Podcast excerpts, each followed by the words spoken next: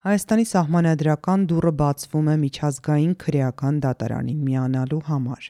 2023 թվականի մարտի 24-ին Հայաստանի սահմանադրական դատարանը հրապարակեց որոշում,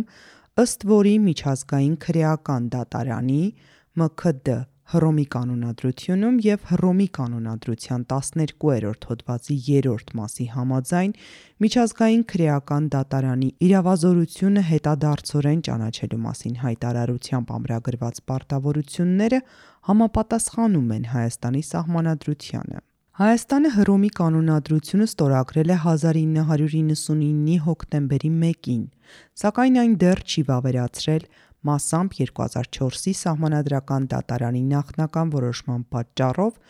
որով Հռոմի կանոնադրությունն անհամատեղելի է համարվել 1995-ի Հայաստանի Սահմանադրության հետ։ Սակայն դրանից հետո Հայաստանի Սահմանադրությունը երկու անգամ փոփոխվել է և Սահմանադրական դատարանի վերջին որոշումն այժմ Հայաստանին կանաչ լույս է տալիս ցանկության դեպքում վավերացնել Հռոմի կանոնադրությունը և դառնալ Միջազգային քրեական դատարանի լիիրավ անդամ։ Որոշումը կայացվել է ՌԴ նախագահ Վլադիմիր Վլադիմիրովիչ Պուտինին և նախագահին առընթեր երեխաների իրավունքների հանձնակատար Մարիա Ալեքսեևնա Լվովա-Բելովային ձերբակալելու միջազգային օրդերներ տալուց մեկ շաբաթ անց։ Օրդերները վերաբերում են ռազմական հանցագործություններին, ապօրինի արտաքսմանը և երեխաներին Ուկրաինայից Ռուսաստան տեղափոխելուն։ Ակնկալվում է մեղադրանքների երկրորդ խումբ՝ կապված Ռուսաստանի հարձակումների հետ Ուկրաինայի քաղաքացիական ենթակառուցվածքների վրա, որոնք օրինական ռազմական թիրախներ չեն համարվում։ Միջազգային քրեական դատարանի նման քայլը խիստ կարևոր է։ Ռուսաստանի սանձազերծած պատերազմից հետո առաջին դեպքն է, երբ միջազգային մեղադրանքներ են ներկայացվում, նաև երբևէ առաջին դեպքն է, երբ նման մեղադրանք է ներկայացվում ՄԱԿ-ի Անվտանգության խորհրդի մշտական անդամի ղեկավարի դեմ։ Ռուսաստանն ամբողջությամբ մերժել է ձերբակալության օրդերները՝ համարելով դրանք օրինական ուժ չունեցող, հաշվի առնելով, որ ինքը Միջազգային քրեական դատարանի անդամ չէ։ Իրականում ոչ էլ Ուկրաինան է, չնայած Ուկրաինան երկու անգամ ընդունել է Միջազգային քրեական դատարանի հրատապ իրավասությունը համաձայն Հռոմի կանոնադրության 12-րդ հոդվածի 3-րդ մասի՝ իր տարածքում կատարված հանցագործությունների համար՝ սկսած 2013թ. նոյեմբերի 21-ից, և իրավիճակն Ուկրաինայում ավելի քան 40 անդամ պետություններ ներկայացրել են Միջազգային քրեական դատարանին։ Միջազգային քրեական դատարանն իր իրավասության տարածքներում կարող է հետապնդել ոչ անդամ պետությունների քաղաքացիներին, ովքեր միջազգային հանցագործություններ են կատարում (ցեղասպանություն, մարդկության դեմ հանցագործություններ և պատերազմական հանցագործություններ)։ Սա կարևոր է Հայաստանի համար, որը սկսել է լուրջ քայլեր ձեռնարկել Հռոմի կանոնադրության վավերացման համար, ինչպես նաև դատարանի 12-րդ հոդվածի 3-րդ մասով իրավասություն հայցել 2022-ի սեպտեմբերին Ադրբեջանի կողմից Հայաստան ներխուժելուց հետո։ Ինչպես նախկինում քննարկվել է, սա կլինի ամենաարդյունավետ միջոցը իրական պատասխանատվություն ենթարկելու և զսպելու պատերազմական հանցագործությունների համար, որոնք կատարվել են և կարող են հետագայում կատարվել ադրբեջանցիների կողմից կամ որևէ մեկի կողմից Հայաստանի տարածքում։ Այժմ, երբ սահմանադրական արգելքը դուրս է եկել, Հայաստանին Միջազգային քրեական դատարանին միանալու համար անհրաժեշտ է միայն քաղաքական կամք։ Սակայն ձերբակալությունների որոշման մասին հայտնի դառնալուց հետո լուրջ բանավեճեր են ծավալվել Հայաստանի համար Հռոմի կանոնադրության վավերացման ցանկալիության և հետևանքների վերաբերյալ։ Միջազգային քրեական իրավունքի դասախոս Գուրգեն Պետրոսյանը կարծում է, որ եթե մենք անդամակցենք Միջազգային քրեական դատարանին, ապա Ռուսաստանը փորձելու է մեզ ամեն կերպ պատժել, իսկ Պուտինի այցի դեպքում Հայաստանը պարտավոր է ձերբակալել նրան։ Իրավապաշտպան Արթուր Սաքունցը գտնում է, որ Հայաստանը չպետք է շեղվի վավերացումից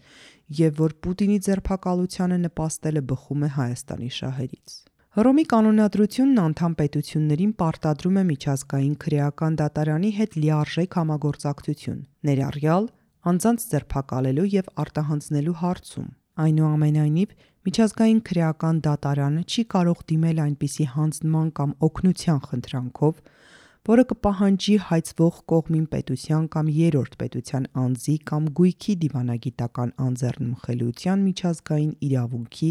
իր պարտավորությունների հետ անհամապատասխան վարվել, բացառությամբ այն դեպքերի, երբ դատարանը ձեռք է բերել անձեռնմխելիությունից հրաժարվելու երրորդ պետության համագործակցությունը։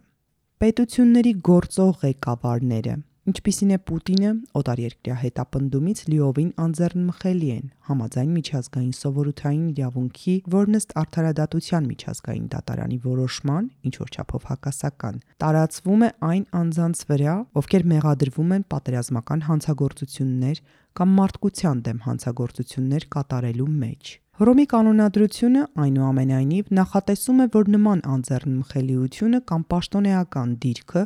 ոչ մի դեպքում անձին չեն ազատում քրեական պատասխանատվությունից եւ դատարանին չպետք է խոչընդոտվի իր իրավասությունն իրականացնել այդպիսի անձի նկատմամբ։ 2019-ին միջազգային քրեական դատարանի վերաքննիչ պալատը որոշեց, որ Հորդանանի թակավորությունը որևէ հիմք չուներ միջազգային քրեական դատարանի պահանջը մերժելու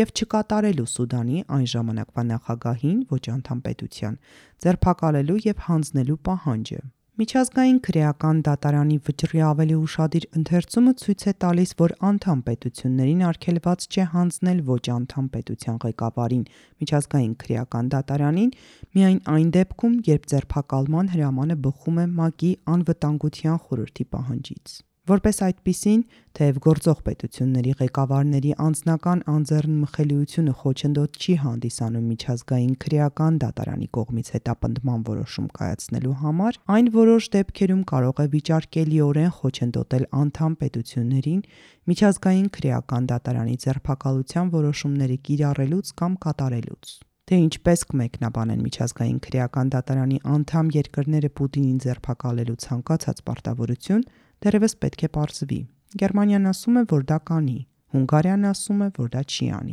Առայժմ, քանի որ այս հրամանների կատարումը թվում է անհավանական,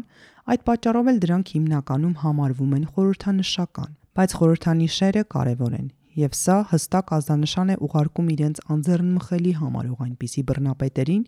ինչպիսին Ալիևն է, որ իրենք կարող են լինել հաջորդը։ Հետազոտությունները ցույց են տալիս, որ պատերազմական հանցագործությունների եւ մարդու իրավունքների խախտումների հետաքննությունները, նույնիսկ եթե դրանք մեղադրվողներին չեն հանգեցնի փաստացի դատապարտումների կամ պատիժների, կարող են կարևոր կանխարգելիչ ազդեցություն ունենալ։ Այդուհանդերձ, Ձերբակալությունների մասին որոշման հրապարակումից հետո միջազգային քրեական դատարանին միանալը անշուշտ համարցակ քայլ կլինի Հայաստանի համար Ռուսաստանի նկատմամբ, որի միջազգային քրեական դատարանից դժգոհության սանդղակը տատանվում էր այդ որոշումը որպես զուգարանի թուղթ նկարագրելուց մինչև գերձայնային հրթիռներ օգտագործելու սպառնալիք, նույնիսկ սեփական գործ բացելով միջազգային քրեական դատարանի դատախազի եւ դատավորների դեմ։ Որքան մեծանում է Ռուսաստանի միջազգային մեկուսացումը, այդքանով ավելի դժվար կլինի Հայաստանի համար Ռուսաստանի հետ համագործակցությունը,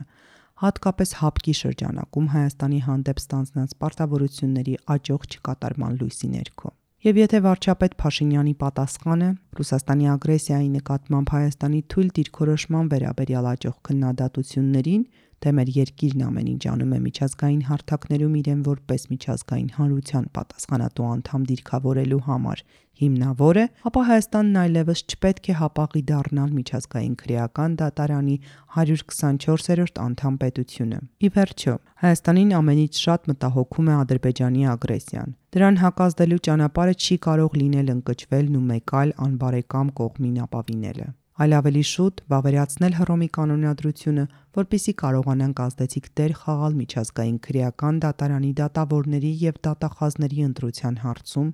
եւ Հայաստանից անձնակազմ ուղարկել միջազգային քրեական դատարանի տարբեր մարմիններում աշխատելու համար։ Դառնալով միջազգային քրեական դատարանի անդամ պետություն եւ չընդունելով միայն ժամանակավոր իրավասություն համաձայն Հռոմի կանոնադրության 12-րդ հոդվածի 3-րդ կետի, Հայաստանը կապահովի իր տեղը կարևոր միջազգային սեղանի շուրջ եւ իր խոսքն ուժ կունենա դատարանի կյանքում։ Լինելով լիիրավ անդամ պետություն, Հայաստանն ավելի լայն հնարավորություններ կունենա վիճարկելու միջազգային քրեական դատարանի դատախազի ցանկացած հնարավոր որոշում չշարունակելու Ադրբեջանի հետ կապված իրավիճակի ուղղորդման հետաքննությունը։ Ամեն դեպքում քիչ կասկած կարող է լինել, որ միջազգային քրեական դատարանն արժեքավոր հավելում կլինի Հայաստանի միջազգային իրավական գործիքակազմում։ Հեղինակ Շիլա Փայլյան, կարդաց Գոհար Աբ รา համյանը։ Հոդվացի ձայնագիր տարբերակը ոդքասթների ձայնագիր բաժնում։